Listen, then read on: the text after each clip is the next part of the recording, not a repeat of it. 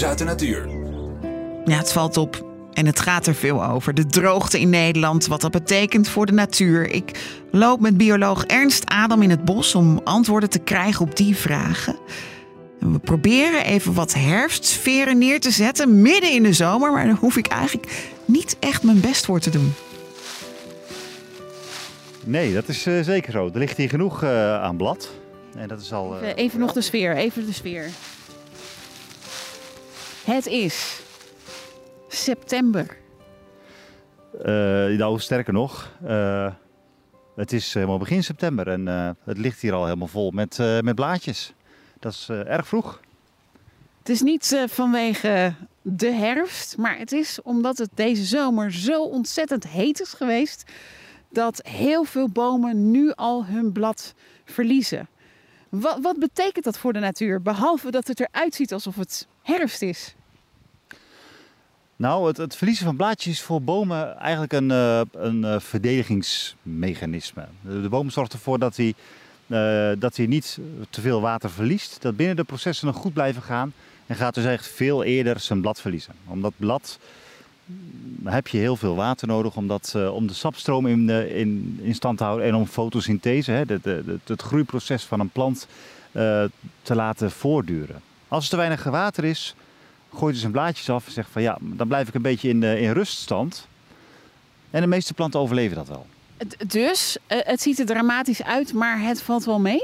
Ja, dat geldt voor heel veel planten wel. Ja, het ziet er dramatisch uit, maar ehm, daar kunnen ze wel tegen. Tenzij, en ja, dat, dat is natuurlijk waar we de laatste tijd meer en meer eh, mee te maken krijgen, dat de periodes langer worden, dat het droog is en het vaker voorkomt. Ja, dan krijgen verschillende soorten bomen, struiken en ook planten eh, problemen. Want het kan het zijn dat ze niet meer de sterkste zijn in de buurt. En eh, we lopen hier in een nou, stadsparkje. Wat, wat zou dat betekenen voor wat we hier zien aan bomenpopulatie? Stel, we krijgen volgende zomer weer zo'n hete periode en de zomer daarop weer. Hoe gaat het er hier dan uitzien? Want eh, ja, er liggen blaadjes op de grond, maar het is ook nog best groen. Nou, het eerste wat je ziet bij droogte is dat het natuurlijk eh, geel wordt. En hè, als je hier op de grond kijkt, dan zie je heel veel, eh, veel gras eh, geel worden.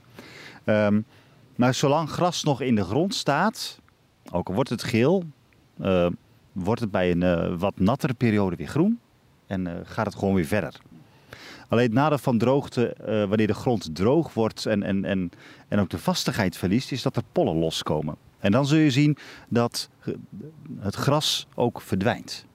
En, ik zei net al, van ja, eh, als planten graag veel vocht hebben en in periodes terechtkomen met heel weinig vocht, dan kan het zijn dat er andere planten in de buurt sterker zijn dan zij en de boventoon gaan voeren. Dat het er veel meer worden, terwijl de planten die heel veel water nodig hebben minder worden.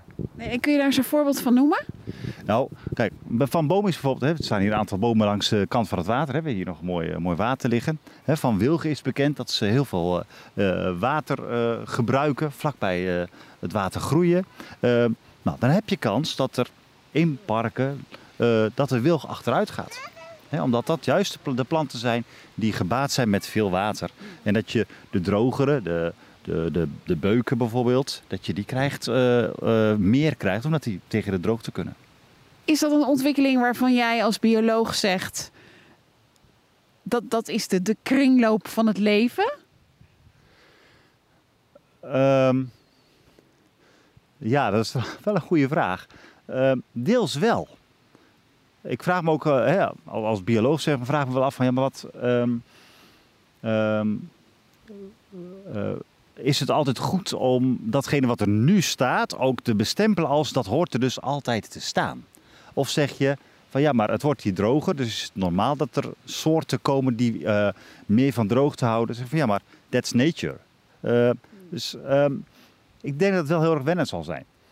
om daarin wat flexibeler te zijn. Eh, en eh, om het goed te monitoren. Want hè, het is een overgang naar, naar meer en meer droge gebieden. Eh, hè, ook insecten kunnen het land eh, eh, binnenkomen die drogere gebieden gewend zijn. Of andere, andere dieren.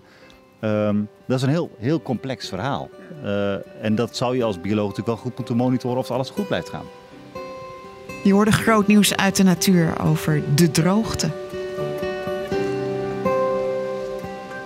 Zien in nog een podcast? Luister naar Zorgen voor je ziel via grootnieuwsradio.nl/podcast.